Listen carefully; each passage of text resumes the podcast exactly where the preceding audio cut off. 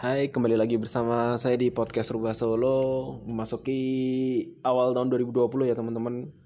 Biasanya kan kita giat banget tuh bikin resolusi setiap tahunnya tuh Setiap pergantian tahun, setiap akhir tahun. Mau ganti Kita giat banget bikin uh, resolusi. Nah sebetulnya resolusi kalian tuh setiap tahunnya tuh Kemungkinan kalian penuhi itu adakah separuhnya? Atau bahkan satu dua tiga? Atau bahkan mungkin lagi dikerjain mungkin bisa terpenuhi di tahun berikutnya atau bahkan sama sekali belum dikerjain nih. Resolusi mungkin sama kayak kemarin atau bahkan resolusi baru lagi kan kita nggak ngerti.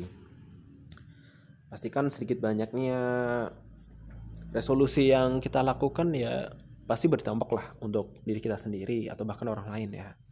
Dampak-dampak yang baik ya tentunya. Kalau misalnya kita lihat nih resolusi kan biasa identik sama jangka tahunan kalau menurutku itu kan terlalu panjang ya. Supaya kita nggak terlalu muluk-muluk coba deh kita bikin perubahan. Nah perubahan nih. Perubahan jangka pendek uh, per hari. At least hari ini harus lebih baik daripada hari kemarin atau hari esok harus jadi lebih baik daripada hari. Jadi esok harus jadi lebih baik daripada hari ini. Gak usah lihat saingan atau sama orang lain tuh gak usah lah saingan sama orang lain. Kayak ya udah ngurusin diri sendiri karena lawan terberat adalah diri sendiri. Jadilah versi terbaik dari diri kita sendiri dan terus saja dijaga konsistensi ini gitu. Konsisten ya harus konsisten ya walaupun susah sih sebetulnya.